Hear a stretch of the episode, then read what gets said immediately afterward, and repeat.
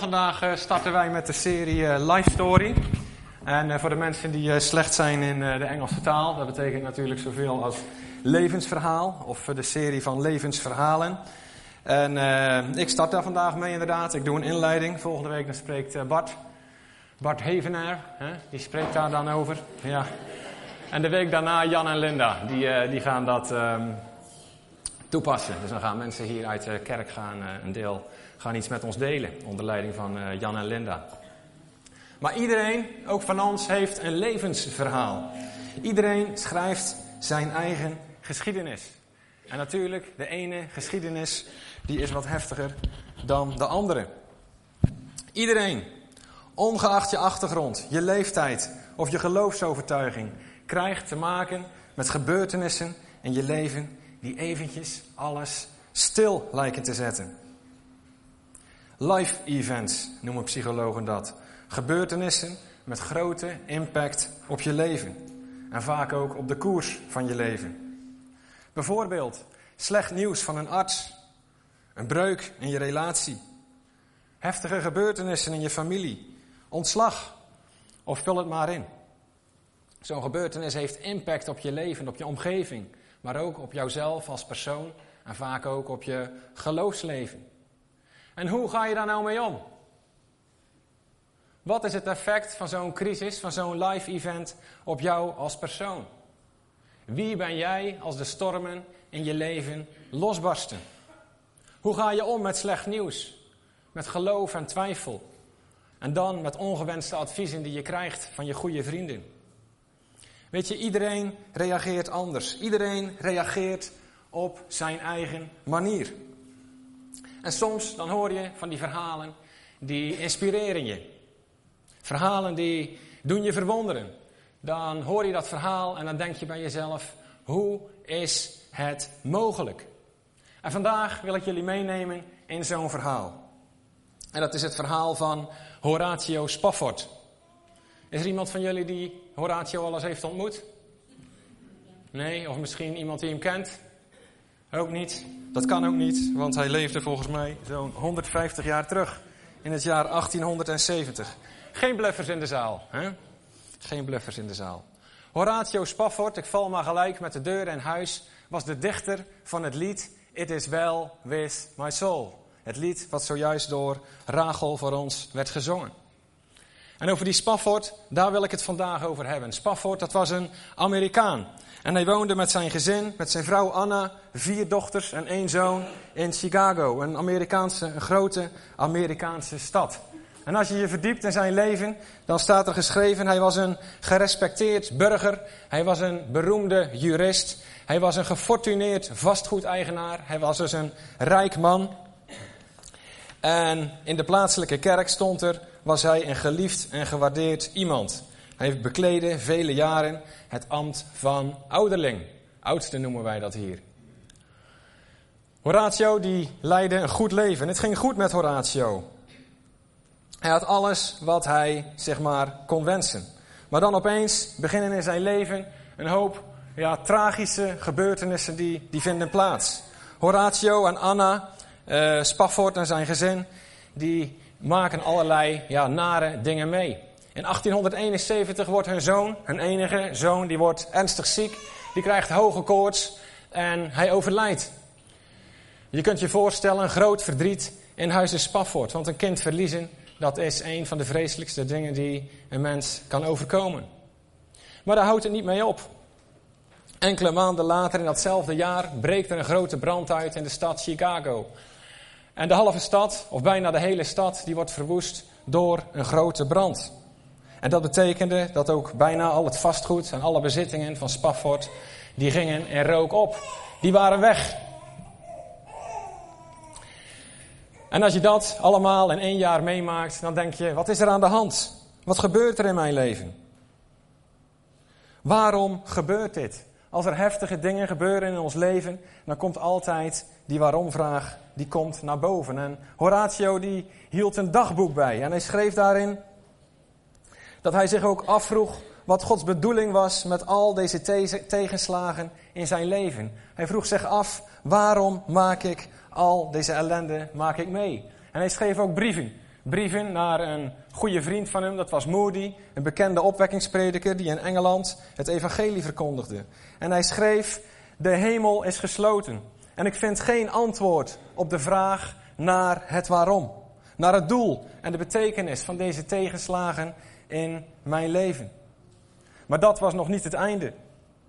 Want krap twee jaar later ging Spafford met zijn gezin, zijn vrouw en zijn vier dochters, ging hij op reis. En hij ging op bezoek bij zijn vriend in Engeland, bij Moody. Hij wilde Moody gaan helpen bij het verkondigen van het evangelie.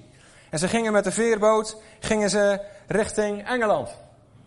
En ze boekten in op die, uh, op die veerboot. Maar net op het laatste moment werd Spafford werd teruggeroepen voor zaken naar de stad. En Spafford die besloot, ik ga niet mee met de boot, maar mijn vrouw en uh, mijn vier kinderen, die reizen vooruit. Ik regel mijn zaken en zodra het kan, dan reis ik mijn vrouw en mijn kinderen achterna.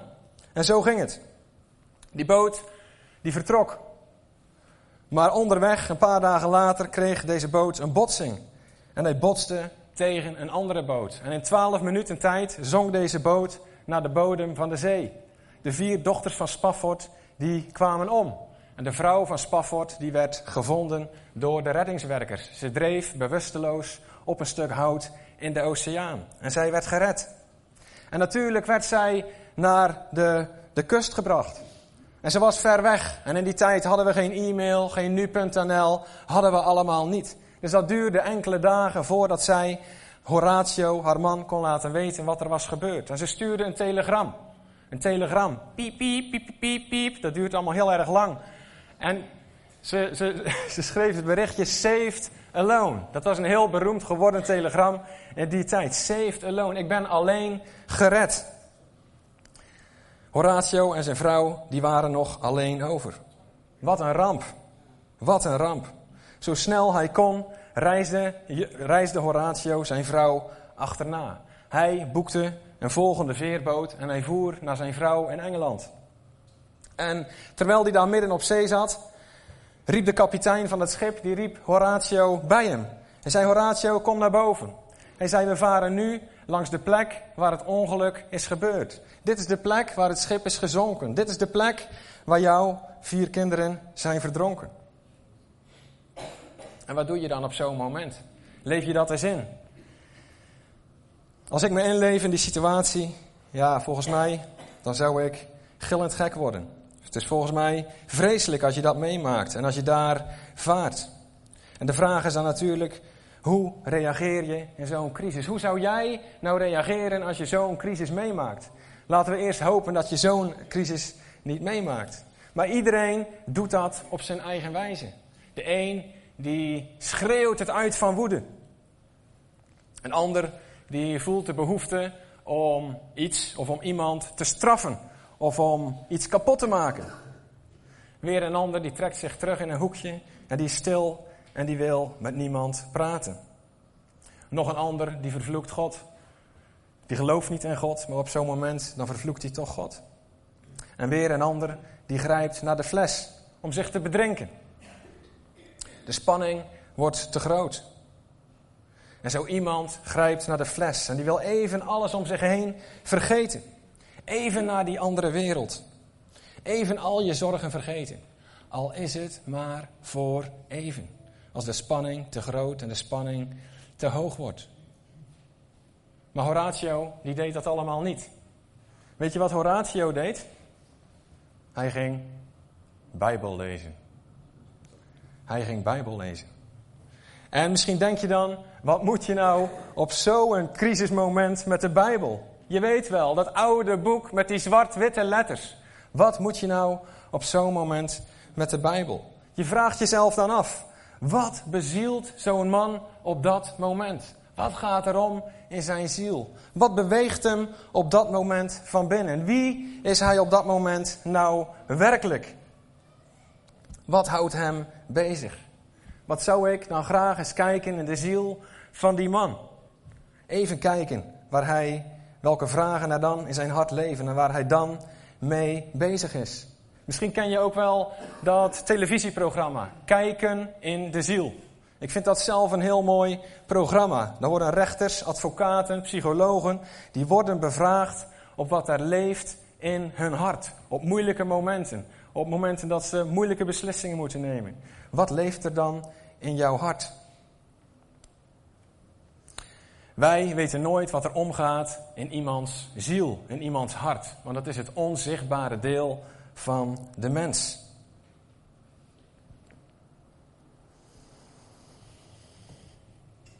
Eigenlijk kun je alleen datgene wat de ander aan jou vertelt, wat de ander aan jou vertelt, dat kun je weten. En de rest, dat is giswerk. De rest, dat weten wij niet. Horatio, die laat zich in zijn ziel kijken. Door de woorden die hij opschreef. En de woorden die hij opschreef, dat werd later het lied It is well with my soul. Weet je, ik dacht, Horatio die heeft misschien wel iets begrepen van de woorden van Paulus. Paulus die zei, wordt niet dronken van de wijn, maar wordt vol van de Heilige Geest.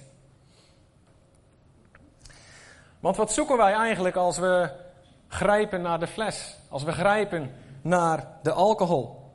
We zoeken ontspanning. We zoeken rust. We zoeken vrede die we niet kunnen vinden.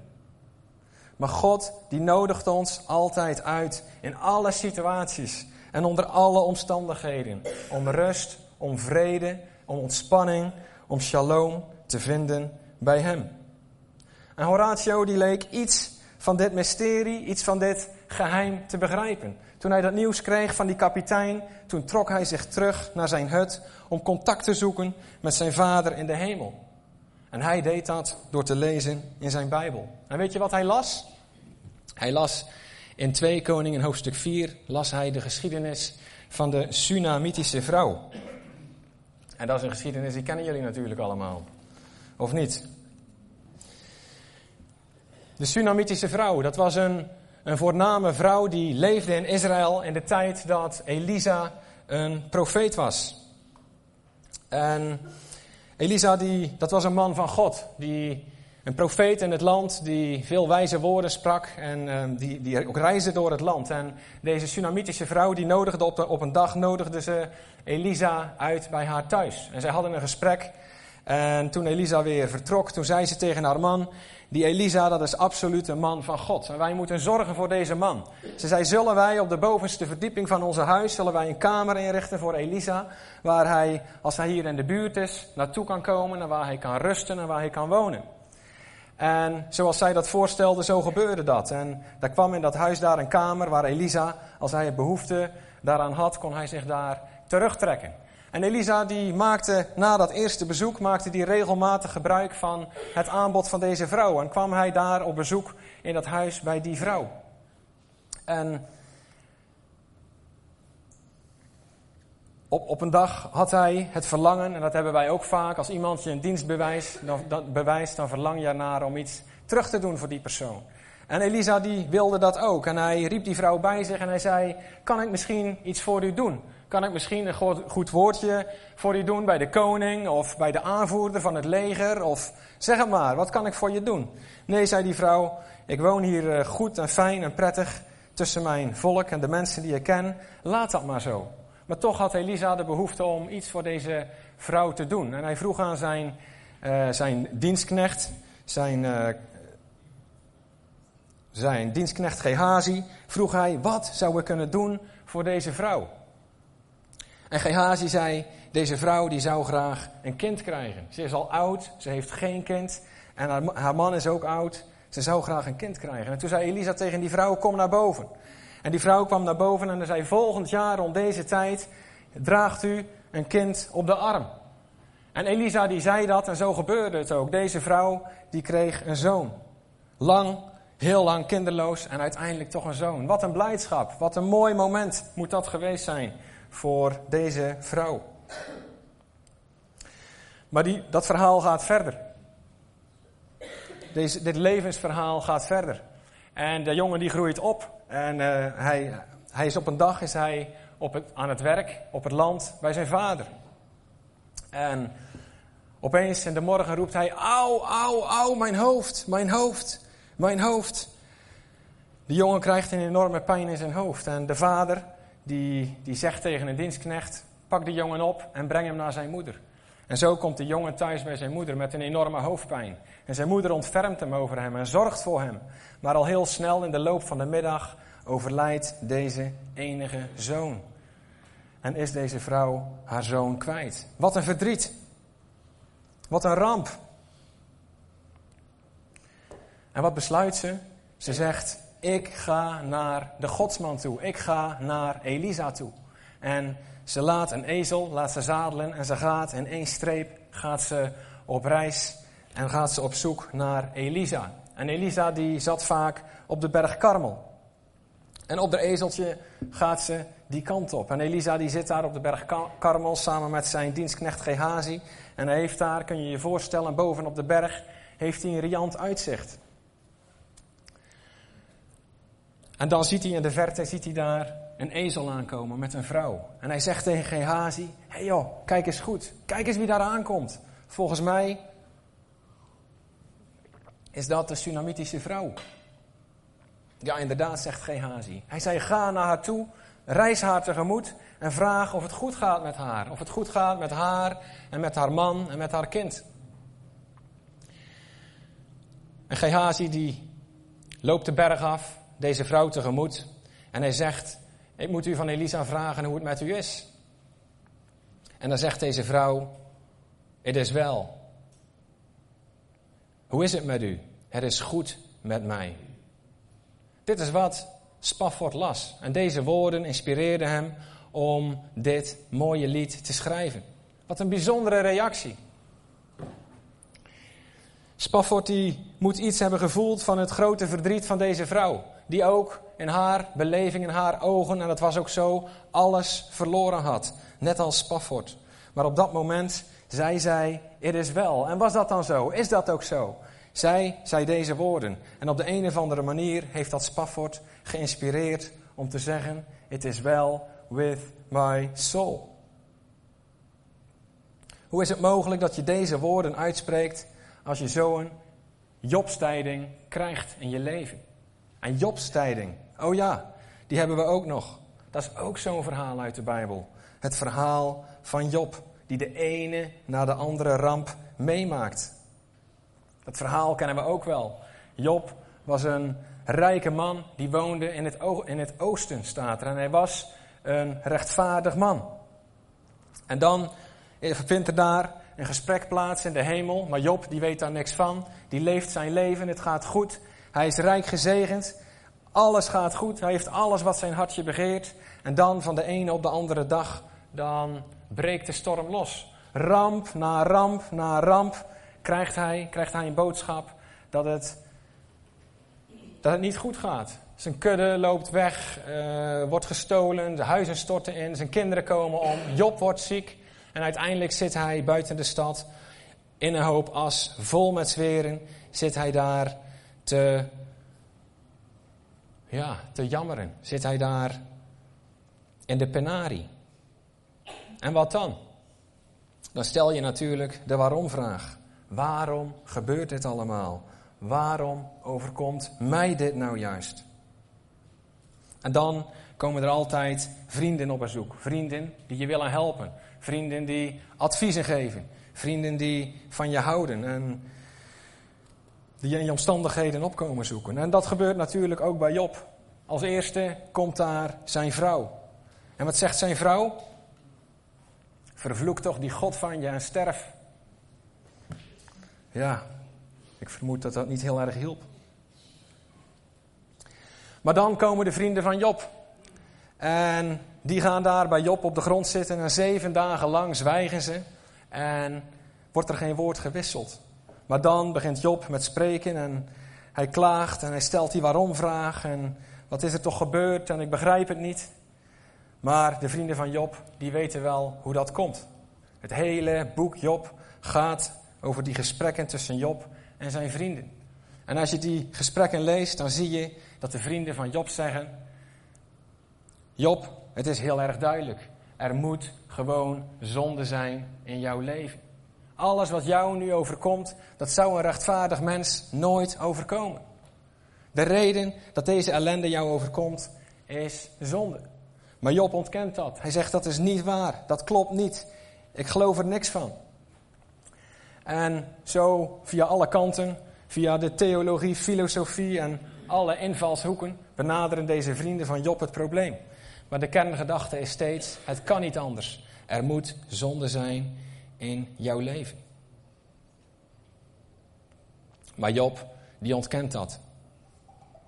En later, dan mengt God zich ook in dat gesprek. En ook God ontkent dat. En hij bestraft zelfs de vrienden van Job.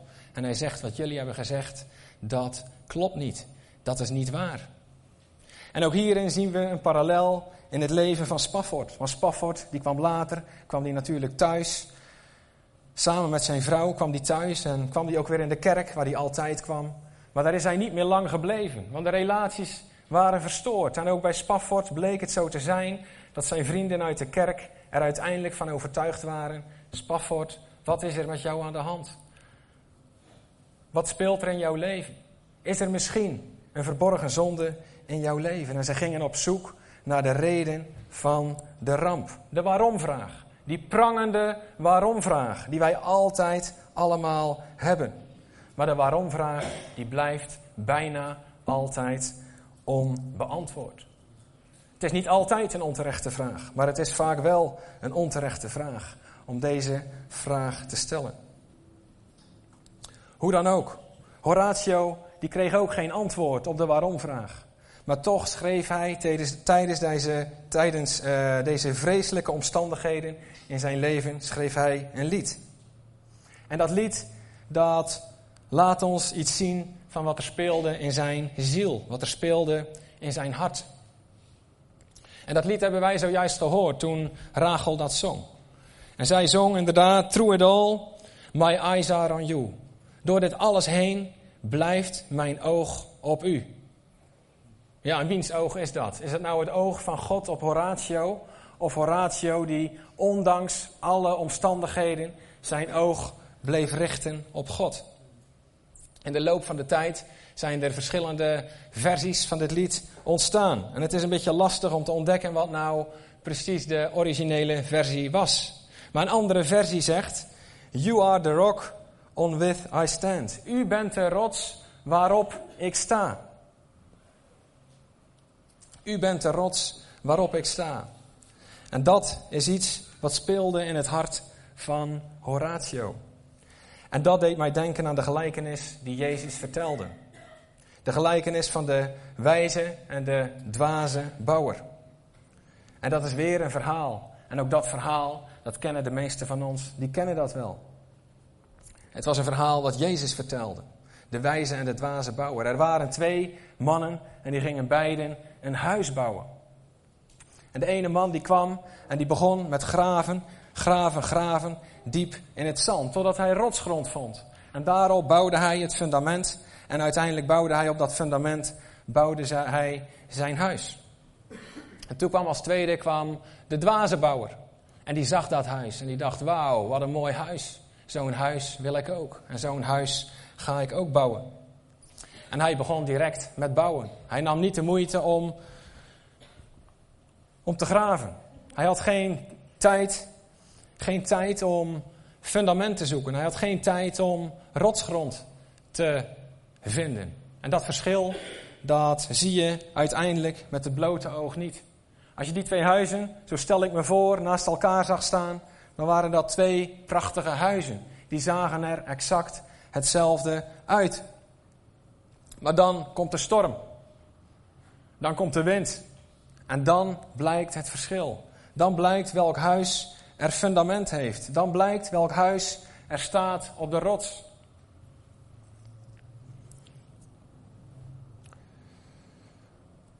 En het verhaal gaat natuurlijk verder. Dat ene huis, dat blijft recht overeind staan. En dat andere huis, dat stort in. En deze gelijkenis is natuurlijk een boodschap voor ons allemaal. Want de vraag is dan, dat huis, dat staat voor ons levenshuis. Dat staat voor jou en voor mijn leven. En de vraag is dan, waar bouw jij je leven op? Wie bepaalt Of wat bepaalt wie jij bent? Wat geeft jou jouw identiteit? Wat is jouw houvast in het leven als de storm komt, als de ellende komt, als er slecht nieuws komt? Volgens mij moedigt Jezus ons aan om in tijden van rust en vrede en welvaart te zoeken naar dat fundament. Om tijd en energie te steken, om te graven in dat zand en te zorgen dat er een fundament is in ons leven. Maar die tijden, die zijn onvermijdelijk. Die tijden, die komen een keer. En natuurlijk, als ik deze verhalen lees, dan bid ik, Vader, laat, laat dat aan mij voorbij gaan. Maar die garantie, die krijgen we niet. En die garantie, die hebben we niet. En bij iedereen van ons gaat het wel een keertje stormen. En dan is het belangrijk dat je fundament in orde is, dat je rotsgrond in orde is. Dat betekent dat je tijd en inspanning, dat je je tijd moet geven om te graven in de grond. En dat is een, een aanmoediging voor ons allemaal. Dat is een, ja, dat moeten wij gaan doen. Dat is wat ik jullie vandaag graag mee wil geven. Gebruik jij je tijd om je fundament vast te zetten, want straks komt die storm. En ben jij daar dan klaar voor? Hoe reageer jij in tijden van crisis? Hoe is het met jouw ziel? Wat gaat er om in jouw hart? Is jouw hart al verbonden met Jezus Christus? Heb jij de deur van je hart al open gedaan? En zo ja, als Jezus al in jouw hart woont, is die relatie sterk genoeg om een crisis te overleven? Weet je, dat levenshuis, de buitenkant is vaak hetzelfde, maar als de storm komt, dan komt het erop aan. En daar, ja, dat is wat ik jullie graag mee wil geven. Ik werd enorm geïnspireerd door het lied van Horatio Spafford, die onder deze omstandigheden kon zeggen: Het is wel with my soul. Mijn soul, mijn hart, mijn diepste binnenste, mijn eeuwige deel. Jullie kijken hier aan tegen mij, tegen mijn lichaam, tegen mijn tijdelijke deel, maar mijn eeuwige deel. Is dat verbonden met God? Staat dat muurvast? Jezus die roept ons op om schatten te verzamelen in de hemel. Schatten te verzamelen in de, ik noem het maar, onzichtbare wereld. En niet hier. Want wij bouwen vaak ons fundament op het hier en nu. Op hetgene wat we zijn, op hetgene wat we hebben. Op onze baan, op onze auto, op ons huis, op ons uiterlijk of op wat dan ook. Maar wat als dat allemaal wegvalt? Wat als je slecht nieuws krijgt? Wat blijft er dan van je over? En laten we daar allemaal over nadenken in de komende tijd.